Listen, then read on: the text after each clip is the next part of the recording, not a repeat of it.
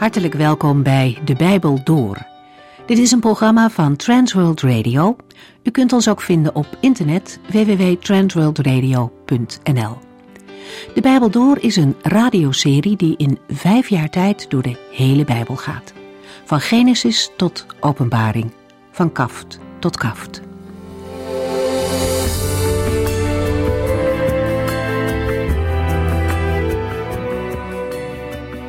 Vandaag lezen we verder uit het Bijbelboek Openbaring, hoofdstuk 19. Maar laten we om te beginnen nog even terugkijken naar de eerste verse van dit hoofdstuk. Hier wordt de overwinning op Babylon bezongen door achtereenvolgens een grote menigte in de hemel, de 24 ouderlingen en de vier wezens en een stem vanaf de troon. De lofliederen staan in scherp contrast met de klaagzangen die over de val van Babylon worden aangeheven. De hemelse menigte beleidt dat alle redding van God komt en aan Hem te danken is. De concrete aanleiding voor de lofprijzing is het oordeel van God over Babylon. Daaruit blijkt dat God het kwaad niet onbeperkt heeft laten doorgaan, maar dat zijn recht uiteindelijk zegeviert. Babylon, de macht die de wereld verleidde met haar letterlijke en geestelijke hoererij, die de volgelingen van Christus doodde, heeft daarvoor geboet met haar eigen ondergang. Het is een definitieve ondergang, er is geen weg meer terug. De stem vanaf de troon roept alle dienaren van God op om hem te prijzen. Vervolgens hoort Johannes een grote menigte.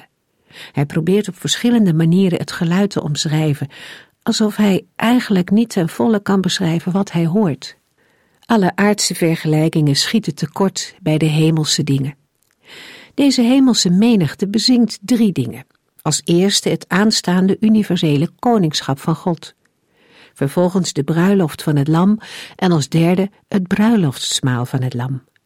Te midden van alle lijden en vervolgingen die de gelovigen meemaken, krijgen ze nu een blik in de glorieuze uitkomst van de strijd, de bruiloft van het lam en zijn bruid. Dat is de gemeente van Christus. Ter voorbereiding op de bruiloft heeft de bruid zich gereed gemaakt, zodat zij op gepaste wijze voor haar bruidegom, Christus, kan verschijnen. Na dit bruiloftsfeest gaat de hemel opnieuw open en dan verschijnt Christus op een wit paard. Daarover lezen we vandaag.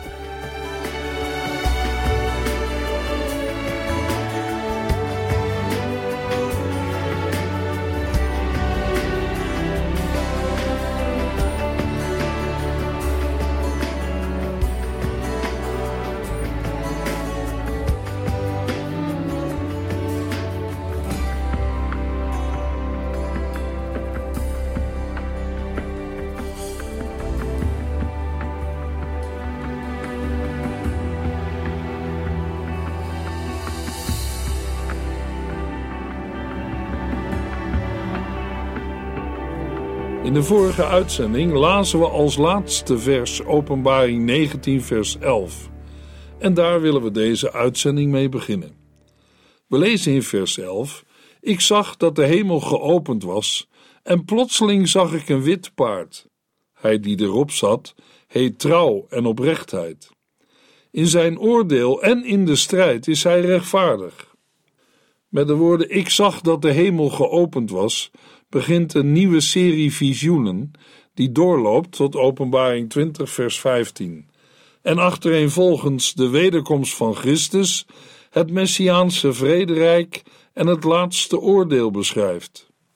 Hoewel de beschrijving van de ruiter op het witte paard treffende overeenkomsten vertoont met de ruiter op het witte paard in Openbaring 6, vers 2, gaat het kennelijk toch om twee verschillende ruiters. In Openbaring 19 gaat het om de verschijning van Christus, de Messias.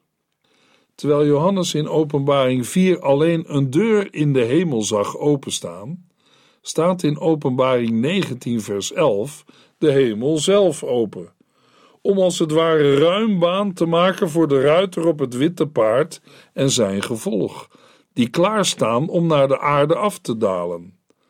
Dat ze naar de aarde afdalen, wordt niet met zoveel woorden gezegd, maar volgt uit het doel van hun missie: de strijd aan te binden met de antichrist en zijn legers.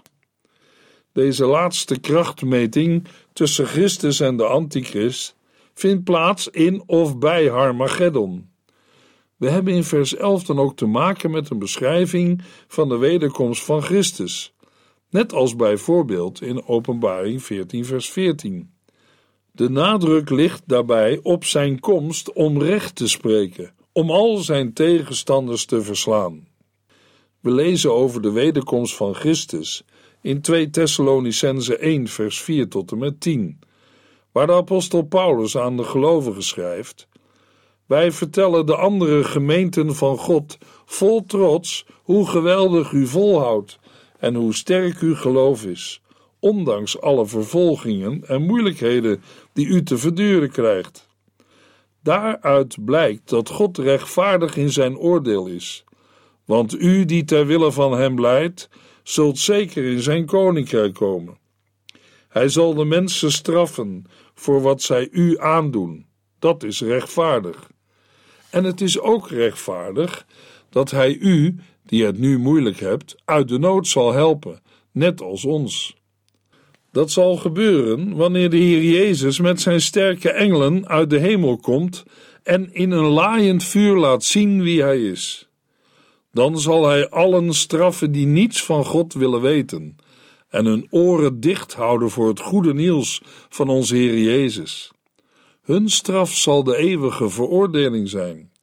Ze zullen voorgoed van de Heere en zijn ontzagwekkende macht gescheiden worden. Dat zal gebeuren op de grote dag waarop hij komt om geëerd te worden te midden van hen die hem toebehoren en bewonderd te worden te midden van hen die op hem vertrouwd hebben.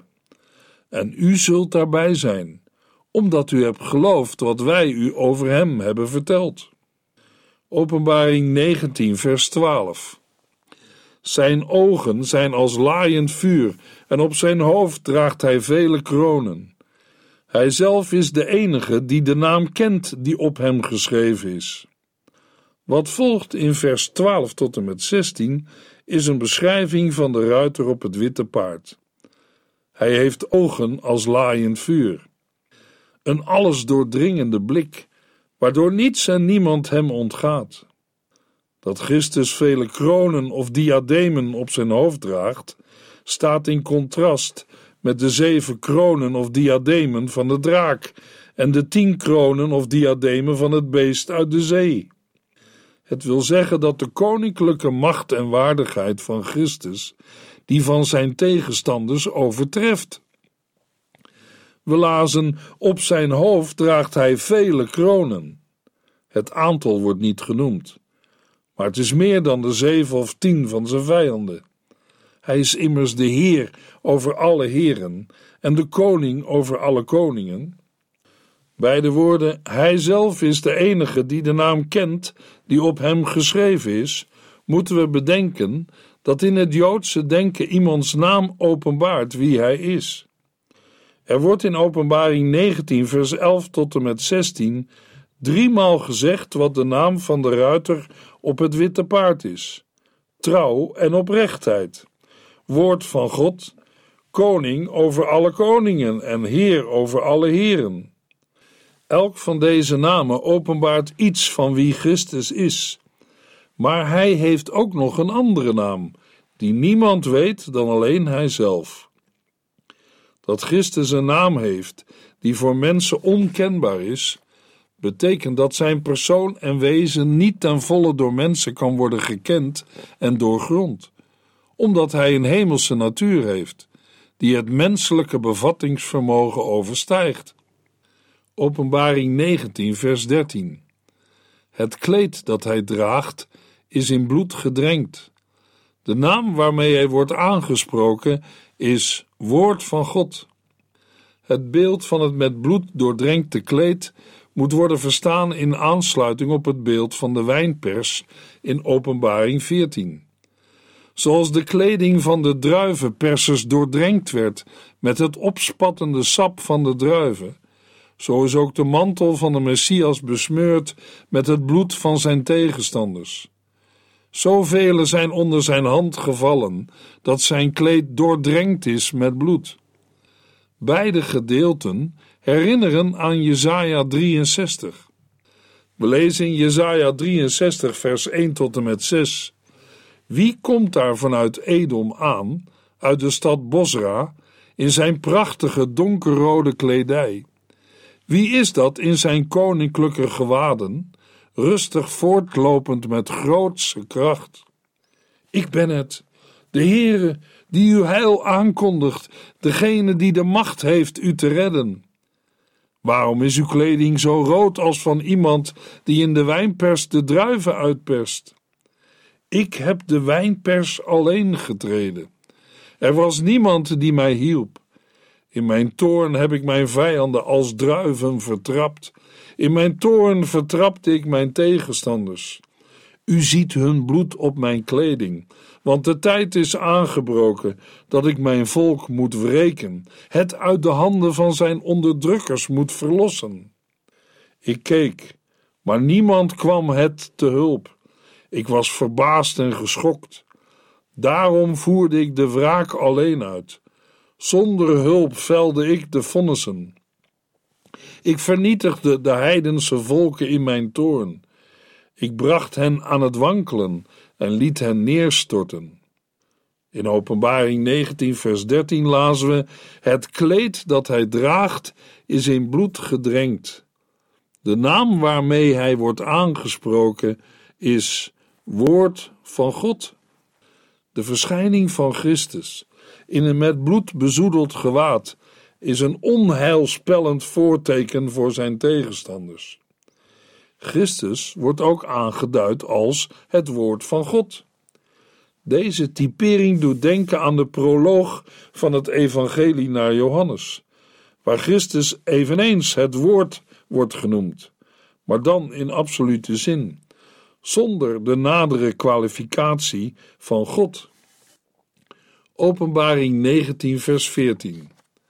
De hemelse legers volgen hem op witte paarden. Ze hebben kleren van zuiver wit linnen aan. In het gevolg van de ruiter op het witte paard bevinden zich de hemelse legers, die hem als een militair escorte begeleiden op weg naar de eindstrijd.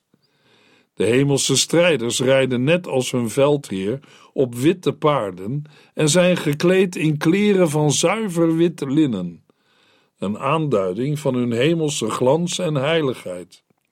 Hoewel ook de gelovigen in de hemel bekleed zijn met schitterend wit linnen, zullen wij bij de hemelse legers in eerste instantie moeten denken aan engelen. In tegenstelling tot het kleed van Christus zijn hun kleren niet met bloed besmeurd. Ze zijn ook op geen enkele wijze betrokken bij de strijd die volgt. Er worden geen wapens genoemd die zij zouden dragen. Zij begeleiden alleen de komende Heer Jezus Christus. Openbaring 19, vers 15. Uit zijn mond komt een scherp zwaard, waarmee hij de vijandige volken zal neerslaan. Hij zal hen met een ijzeren staf regeren en hen vertrappen in de wijnpers van de grimmige toorn van de Almachtige God. Net als in Openbaring 1, vers 16 is er sprake van een scherp zwaard dat uit de mond van Christus komt.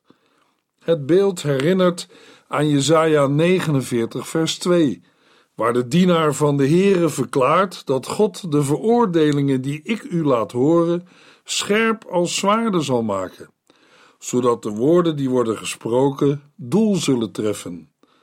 De scherpe zwaarden zijn een beeldspraak voor de woorden van God. In vers 15 zullen we heel concreet moeten denken aan het oordeel dat Christus over de vijandige volken uitspreekt, en dat hen als een scherp zwaard zal treffen. Het beeld van het neerslaan van de volken is ontleend aan Jesaja 11 vers 4. Een tekst die overigens ook inhoudelijk nauw aansluit bij Jesaja 49 vers 2. Maar hij, de Messias, zal de aarde slaan met de roede van zijn mond en met de adem van zijn lippen, de goddeloze doden. In 2 Thessalonicense 2 vers 8 lezen wij, dan zal de mens van zeer grote zonde in de openbaarheid treden. Maar de Heer Jezus zal hem door zijn adem vernietigen en hem, als hij terugkomt, alleen al door zijn stralende verschijning machteloos maken. Voorts wordt er in aansluiting op de profetie van Psalm 2, vers 9 gesproken over regeren met ijzeren staf. De Hebreeuwse tekst heeft in Psalm 2 verpletteren met een ijzeren staf. We zullen het regeren dan ook moeten opvatten als regeren met het zwaard, dat wil zeggen uitroeien of vernietigen. Wat ook blijkt uit het zinsdeel dat erop volgt. En hen vertrappen in de wijnpers van de grimmige toorn van de Almachtige God. Openbaring 19, vers 16. Op zijn kleed en op zijn dij staat deze naam: Koning over alle koningen en Heer over alle heren. De ruiter op het witte paard heeft op zijn kleed en op zijn dij een naam geschreven staan. De naam van de ruiter op het witte paard luidt: Koning over alle koningen en Heer over alle heren. Een naam die ook in Openbaring 17, vers 14 aan Christus werd gegeven en die in het Oude Testament een aanduiding voor de Heere God zelf is. Van Christus wordt gezegd wat op de Heere God van toepassing is. Of anders gezegd, in de verschijning van de ruiter op het witte paard, de wederkomst van Christus, komt God zelf in de persoon van Christus naar de wereld toe om orde op zaken te stellen. Openbaring 19, vers 17. Ik zag een engel midden in de zon staan. Met zijn sterke stem riep hij naar alle vogels die op het hoogste punt van de hemel vlogen: Kom bij elkaar voor Gods grote maal. Het visioen, in de versen 17 tot en met 21, beschrijft de overwinning op het beest en zijn profeet. Johannes ziet een engel op de zon staan. We zouden hier net als bij de engel van het water en de engel van het brandofferaltaar kunnen denken aan de engel van de zon, dat wil zeggen de engel aan wie het beheer van de zon was toevertrouwd. In elk geval is de plaats waar deze engel staat een plaats waar zijn stem goed gehoord kan worden door de vogels in de lucht tot wie hij spreekt.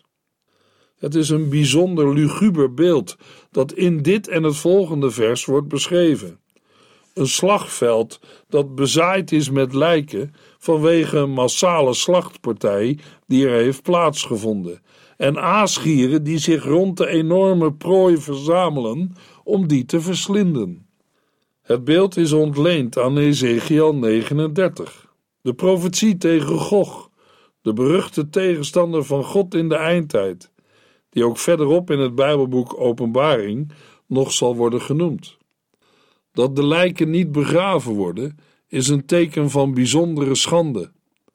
Het grote maal, waartoe de vogels worden uitgenodigd, is een bizarre tegenhanger van het bruiloftsmaal van het Lam. Openbaring 19, vers 18. Jullie mogen het vlees eten van koningen, generaals en helden, van paarden en hun ruiters, van vrije en slaven, van kleinen en groten. De lange opsomming van slachtoffers maakt duidelijk dat er niet is te ontkomen aan de veroordeling van de Heere. Koningen, generaals, paarden en ruiters, de burgerbevolking, kortom, mensen van alle rangen en standen worden getroffen.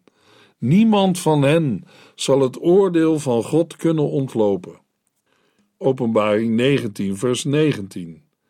Ik zag het beest samen met de koningen van de aarde zij hadden hun legers verzameld om oorlog te voeren tegen hem die op het paard zat en tegen zijn leger.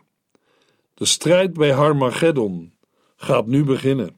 Het beest, de antichrist, de koningen van de aarde en hun legers staan in slagorde opgesteld om de strijd te voeren met Christus, de ruiter op het witte paard en zijn leger. Strikt genomen kunnen de woorden hun legers betrokken worden op alleen de koningen van de aarde, maar het kan ook betrekking hebben op alle legers, die van het beest en die van de koningen van de aarde. In elk geval staat alles en iedereen paraat om de grote beslissende eindstrijd aan te gaan. We lazen het al in Psalm 2, vers 1 tot en met 6. Wat zijn de ongelovige volken toch dwaas om tegen de Here op te staan? Het is onbegrijpelijk dat deze mensen proberen God te slim af te zijn. De machthebbers van deze wereld hebben hun hoofden bijeengestoken en de leiders spannen samen tegen de Heer en zijn gezalfde. Kom op, zeggen zij, laten wij onze boeien verbreken en onszelf bevrijden uit deze slavernij van God. Maar God in de hemel lacht wanneer hij hen hoort. De Heere bespot hun dwaze plannen. Hij zal hen in zijn toorn aanspreken. Zij zullen van angst voor hem ineenkrimpen. Dit is de koning die ik heb aangesteld, verklaart de Heer dan. En ik heb hem in Jeruzalem, mijn heilige stad, een troon gegeven. En dan begint de strijd. Openbaring 19, vers 20. Het beest werd gevangen genomen, samen met de valse profeet die onder het oog van het beest wondertekenen had gedaan, waardoor alle mensen werden verleid die het teken van het beest droegen en het standbeeld van het beest aanbaden. Het beest en de valse profeet werden levend in het meer van brandend zwavel gegooid. In plaats van een spectaculair verslag van de gevoerde oorlog volgt niet meer dan een sumier bericht van de afloop van de strijd. Het beest en de valse profeet werden gevangen genomen en levend in het meer van brandende zwavel gegooid. Van een strijd is strikt genomen geen sprake. De valse profeet wordt omstandig beschreven als degene die onder het oog van het beest wondertekenen had gedaan, waardoor alle mensen werden verleid die het teken van het beest droegen en het standbeeld van het beest aanbaden. Daarmee wordt teruggegrepen op Openbaring 13, niet als een neutrale beschrijving, maar als de grond van zijn veroordeling. Het aan de verwoesting van Sodom en Gomorra ontleende beeld van het meer van brandende zwavel duidt aan wat traditioneel onder de hel wordt verstaan: de plaats van eeuwige pijniging, die speciaal bereid is voor de Satan en zijn engelen. De dood biedt voor het beest en de valse profeet geen uitweg om het oordeel te ontlopen. Zij worden levend, met vol bewustzijn, in het meer van brandende zwavel gegooid en bereiken daarmee hun definitieve bestemming.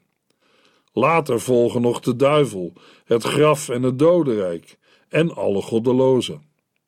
Openbaring 19, vers 21. Heel hun aanhang werd gedood door het zwaard uit de mond van hem die op het paard zat en alle vogels deden zich te goed aan hun vlees. De overige tegenstanders, de koningen van de aarde en hun legers, worden gedood en komen blijkens het tekstverband anders dan het beest en de valse profeet niet in het meer van brandende zwavel terecht, maar in het dodenrijk, de Hades, de tijdelijke bestemming van de doden, in afwachting van het laatste oordeel. Strikt genomen gaat het in Openbaring 19, vers 17 tot en met 21 om de vernietiging van alleen degenen die met het beest en de valse profeet zijn opgetrokken tegen Christus en de heiligen. Het is dan ook denkbaar dat er buiten het slagveld nog volken zijn die niet betrokken zijn geraakt bij deze veldslag en die dan bij de wederkomst niet worden weggevaagd van de aardbodem namelijk de volken die niet genoemd worden in Openbaring 20, vers 3. Tegelijkertijd hebben we de indruk dat wat er in de versen 17 tot en met 21 wordt beschreven, een totale vernietiging inhoudt van al de tegenstanders van Christus.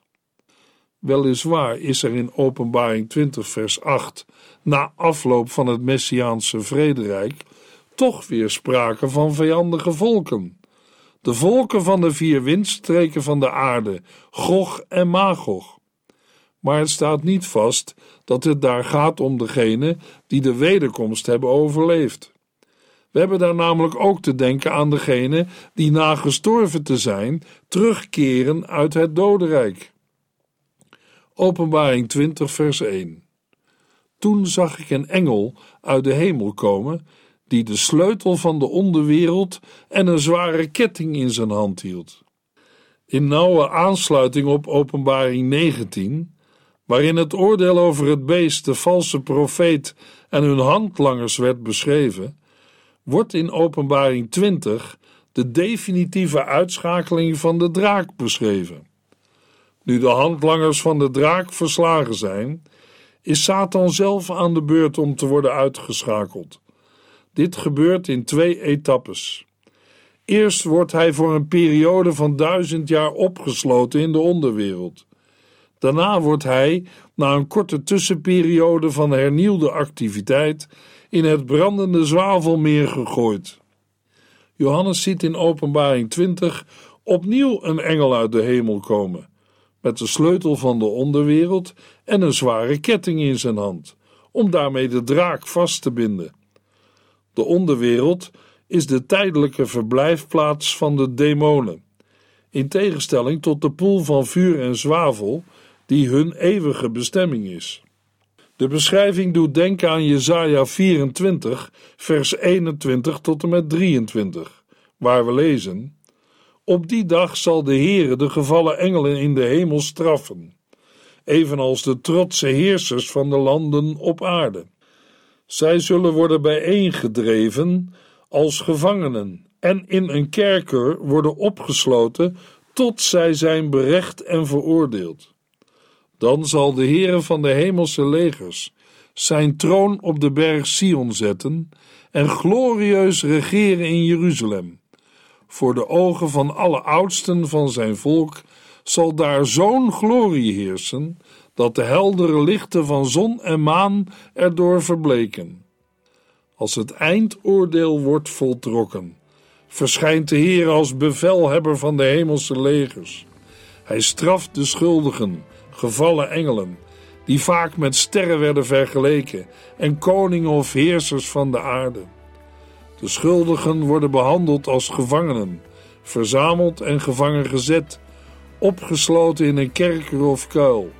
Er is geen ontsnapping mogelijk.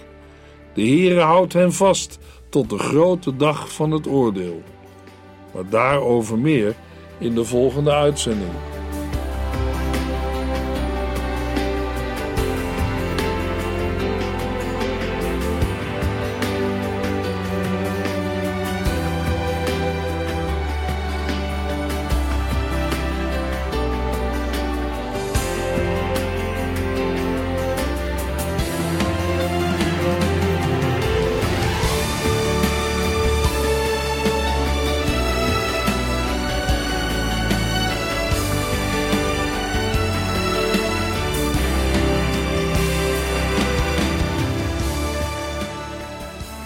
Sinds kort kunt u een USB-stick bestellen met alle uitzendingen en de teksten van de Bijbel door.